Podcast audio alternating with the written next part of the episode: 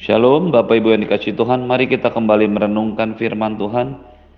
Pagi hari ini diambil dari Lukas pasal yang ke-8 ayat 4 sampai dengan 15. Lukas pasal yang ke-8 ayat 4 sampai dengan 15. Perumpamaan tentang seorang penabur. Ketika orang banyak berbondong-bondong datang, yaitu orang-orang yang dari kota ke kota menggabungkan diri pada Yesus, berkatalah ia dalam satu perumpamaan. Adalah seorang penabur keluar untuk menaburkan benihnya. Pada waktu ia menabur, sebagian benih itu jatuh di pinggir jalan, lalu diinjak orang dan burung-burung di udara memakannya sampai habis. Sebagian jatuh di tanah yang berbatu-batu dan setelah tumbuh, ia menjadi kering karena tidak mendapat air. Sebagian lagi jatuh di tengah semak duri dan semak itu tumbuh bersama-sama dan menghimpitnya sampai mati. Dan sebagian jatuh di tanah yang baik dan setelah bertumbuh berbuah seratus kali lipat. Setelah berkata demikian, Yesus berkata, "Siapa mempunyai telinga untuk mendengar, hendaklah ia mendengar." Murid-muridnya bertanya kepadanya, "Apa maksud perumpamaan itu?" Lalu ia menjawab, "Kepadamu diberi karunia untuk mengetahui rahasia kerajaan Allah, tetapi orang-orang lain hal itu diberitakan dalam perumpamaan, supaya sekalipun memandang mereka tidak melihat, sekalipun mendengar mereka tidak mengerti." Inilah arti perumpamaan itu. Benih itu ialah firman Allah. Yang jatuh di pinggir jalan itu ialah orang yang setelah mendengarnya, kemudian datanglah iblis, lalu mengambil firman itu dari dalam hati mereka, supaya mereka jangan percaya dan diselamatkan. Yang jatuh di tanah yang berbatu-batu ialah orang yang setelah mendengarkan firman itu, menerimanya dengan gembira, tetapi mereka tidak berakar. Mereka percaya sebentar saja, dan dalam masa pencobaan mereka murtad. Yang jatuh dalam semak duri ialah orang yang setelah mendengarkan firman itu dan dalam pertumbuhan selanjutnya mereka terhimpit oleh kekhawatiran dan kekayaan dan kenikmatan hidup sehingga mereka tidak menghasilkan buah yang matang. Yang jatuh di tanah yang baik itu ialah orang yang setelah mendengar firman itu menyimpannya dalam hati yang baik dan mengeluarkan buah dalam ketekunan. Bapak Ibu yang dikasih Tuhan, ketika Yesus mulai mengajar banyak orang, ketika Yesus mengadakan banyak mujizat, bahkan membangkitkan orang yang mati, mengusir setan-setan. Berita tentang hidup dan pelayanan Yesus tersebar ke semua tempat, ke banyak tempat. Dan orang berbondong-bondong datang untuk menggabungkan diri dengan Yesus.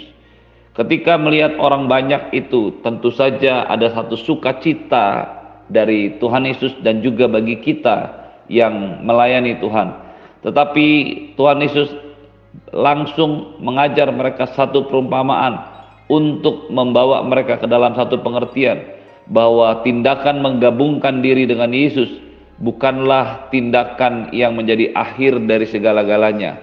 Menggabungkan diri dengan Yesus adalah sebuah tindakan awal untuk selanjutnya ada hal-hal lagi yang harus dikerjakan supaya kita selalu dan tetap bersama-sama dengan Yesus.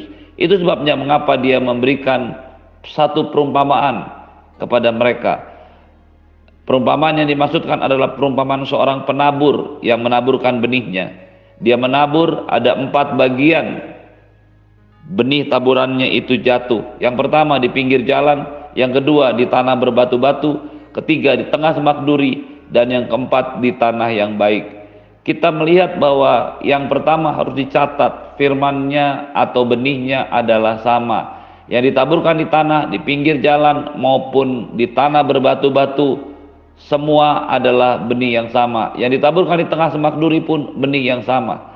Yang berbeda ialah jenis tanahnya. Yang berbeda ialah tanah yang menerima taburan benih itu. Ada empat. Yang pertama pinggir jalan, yang kedua tanah berbatu-batu, yang ketiga di tengah semak duri, dan yang keempat adalah tanah yang baik. Ketika firman Tuhan ditaburkan, maka firman Tuhan yang sama itu akan mungkin diterima oleh empat hati, empat jenis orang yang berbeda, empat jenis orang yang memiliki hati yang berbeda. Firman Tuhannya sama, firman Tuhannya adalah benih yang ditaburkan oleh penabur, dan penabur itu ialah Tuhan sendiri. Benih atau firman Tuhan itu ditaburkan baik melalui firman saat mendengarkan firman Tuhan, baik melalui khotbah-khotbah, baik melalui media-media sosial di mana kita membaca firman maupun saat kita membaca baik melalui peristiwa-peristiwa di mana Tuhan berbicara kepada kita melalui ayat-ayat Alkitab, melalui firman Tuhan. Pada waktu itulah hati Anda dan saya menerima taburan benih firman-Nya. Yang menjadi masalah, seperti apakah tanah kita pada saat kita mendengar atau menerima benih firman Tuhan? Apakah kita seperti orang yang menabur, maaf, orang yang menerima benih itu di pinggir jalan, lalu Alkitab berkata melalui Tuhan Yesus dikatakan orang yang mendengarkan firman Tuhan lalu iblis ambil firman itu dari dalam hati mereka supaya mereka jangan diselamatkan dan percaya kepada Yesus. Ketika firman Tuhan ditaburkan, ada kemungkinan karena hati kita tidak menerima firman itu, hati kita menolak firman itu, maka iblis datang untuk mengambil dan merampas benih itu sehingga tidak diselamatkan. Yang kedua, adalah orang yang setelah mendengarkan firman Tuhan itu, benih itu jatuh di tanah yang berbatu, tumbuh tapi kemudian menjadi kering karena tidak mendapat air. Ini adalah orang yang setelah mendengarkan firman Tuhan, menerimanya dengan gembira. Lebih baik daripada tanah yang berbatu, maaf, tanah yang di pinggir jalan. Orang ini menerimanya dengan gembira. Tetapi perasaan gembira menerima firman itu tidak cukup untuk mempertahankan firman itu di dalam hati dan hidupnya. Ada banyak orang Kristen, ada banyak orang percaya mendengarkan firman Tuhan. Mereka bersuka cita. Seringkali mereka merasa inilah firman yang kami tunggu-tunggu. Inilah firman yang kami nanti-nantikan. Inilah firman yang tepat untuk saya hari ini. Tetapi respon yang demikian yang tentu saja baik tidaklah cukup untuk memastikan firman itu tinggal dalam hati dan hidup kita.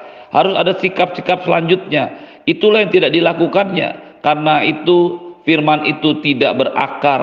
Mereka percaya sebentar saja dan dalam masa pencobaan mereka murtad. Orang-orang yang demikian yang mungkin saja menerima firman dengan gembira, yang mungkin saja merasakan bahwa ada sesuatu yang Tuhan bicarakan melalui firman Tuhan, tetapi mereka tidak pernah berakar, tidak pernah menyimpan firman itu dalam hati yang baik, tidak pernah melakukan firman itu dalam kehidupan mereka, tidak pernah menyerahkan pikiran mereka untuk menuruti firman Tuhan, maka firman Tuhan itu tidak sempat berakar dalam hati dan hidup mereka. Ketika tekanan datang, ketika masalah datang, ketika fakta-fakta kehidupan ini tidak sesuai dengan apa yang dikatakan oleh firman Tuhan, maka hati dan pikiran kita mengikuti semua fakta keadaan yang di luar. Firman itu tidak sempat berakar, dia tumbuh sebentar lalu menjadi kering karena tidak mendapat air. Orang yang ketiga, orang yang punya hati yang ketiga, jenis yang ketiga adalah orang setelah mendengarkan firman kemudian terhimpit dalam pertumbuhan selanjutnya oleh kekhawatiran, kekayaan dan kenikmatan hidup sehingga mereka tidak menghasilkan buah yang matang. Orang jenis yang ketiga ini menerima firman dengan hati yang gembira. Mereka membiarkan firman Tuhan itu bertumbuh dalam hidupnya mereka menyelaraskan hidup mereka, pikiran mereka sesuai dengan firman. Tetapi dalam pertumbuhan selanjutnya ada godaan untuk mereka keluar dari kebenaran firman dan godaan itu ialah kekhawatiran, kekayaan dan kenikmatan hidup. Perhatikan baik-baik Bapak Ibu yang dikasihi Tuhan. Ketika firman Tuhan itu ada dalam diri kita, namun kekhawatiran datang, kekhawatiran memenuhi pikiran kita Kekhawatiran membuat kita ragu apakah firman itu benar. Kekhawatiran membuat kita ragu apakah yang dikatakan firman Tuhan itu masih up to date dengan hidup saya. Itulah yang menyebabkan firman itu tidak mampu bertumbuh dengan baik, terhimpit oleh kekhawatiran. Ada orang yang terhimpit oleh kekayaan. Sekali lagi, Tuhan tidak membenci kekayaan. Tuhan tidak anti kekayaan, tetapi kekayaan tidak boleh menjadi segala-galanya dalam hidup kita.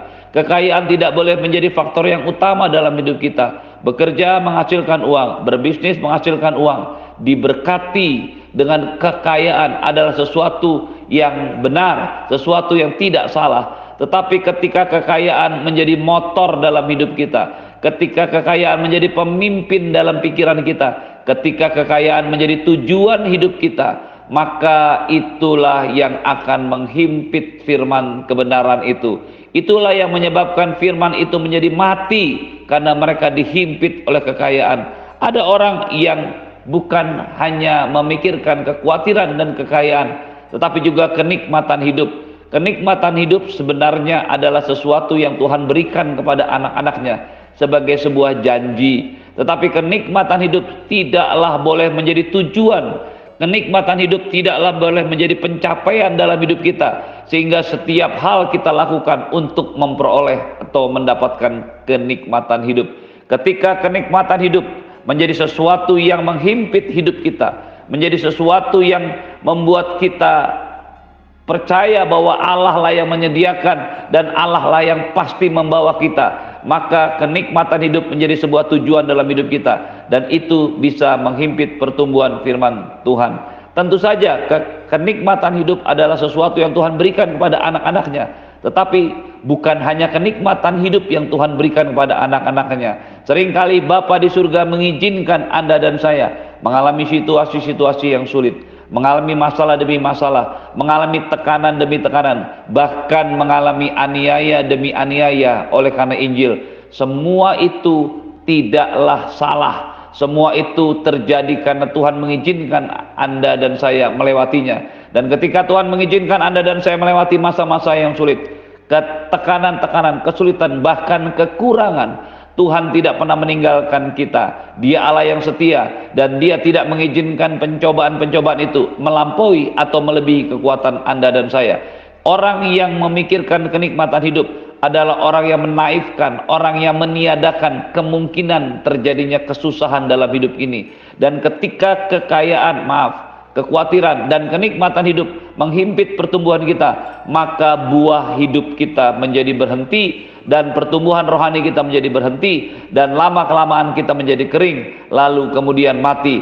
Ketika kenikmatan hidup menjadi sebuah pencapaian, maka ketika Tuhan mengizinkan masalah-masalah yang sulit terjadi dalam hidup kita, kita akan mencoba lari dari kenyataan, kita akan mengutuki Tuhan, bahkan kita akan kecewa dengan Tuhan, bahkan kita akan mengejar terus kenikmatan hidup lebih daripada Tuhan. Pagi hari ini, biarlah Anda dan saya tidak termasuk dalam golongan orang yang memiliki hati yang demikian. Golongan yang keempat adalah orang yang setelah menerima firman itu, kemudian menerimanya dengan gembira, dia bertumbuh, buah itu berbuah seratus kali lipat dalam ketekunan. Perhatikan baik-baik. Seringkali orang hanya berbicara tentang buah yang seratus kali lipat. Seringkali orang berbicara tentang buah yang dihasilkan dari firman Tuhan. Tetapi ada satu kata-kata yang menarik yang diucapkan dengan Tuhan Yesus yang harus kita teliti dengarkan pagi hari ini. Yang jatuh di tanah yang baik itu ialah orang yang setelah mendengarkan firman itu menyimpannya dalam hati yang baik anda dan saya harus memastikan bahwa firman itu tersimpan dalam hati kita dan hati kita adalah hati yang baik. Apa yang dimaksud dengan hati yang baik? Terjemahan yang lebih baik mengatakan hati yang murni, hati yang telah diubahkan, hati yang telah disucikan dan semua itu merupakan gambaran dari hati yang bertobat. Firman Tuhan itu harus tersimpan dalam hati dan hatinya adalah hati yang penuh dengan pertobatan, hati yang merupakan hasil dari sebuah pertobatan. Apakah yang dimaksud dengan pertobatan? Pertobatan adalah berbalik dari cara dan jalan hidup kita yang penuh dengan dosa, kedengkian, iri hati, marah, dan semua yang berasal dari kedagingan. Ketika hati kita adalah hati yang bertobat, kita akan mampu menyimpan firman itu dalam hidup kita dan kemudian menghasilkan atau mengeluarkan buah dalam ketekunan. Ketekunan adalah sebuah kata yang menggambarkan sebuah proses dalam hidup kita. Tidak seketika, karena ketekunan tidaklah mungkin didapatkan melalui sebuah proses seketika. Ketekunan berbicara tentang waktu, ketekunan berbicara tentang proses, ketekunan bicara tentang kesetiaan, ketekunan adalah bicara ketetapan hati untuk mengikut Tuhan dalam keadaan apa pun. Jadi siapakah Anda dan saya hari ini?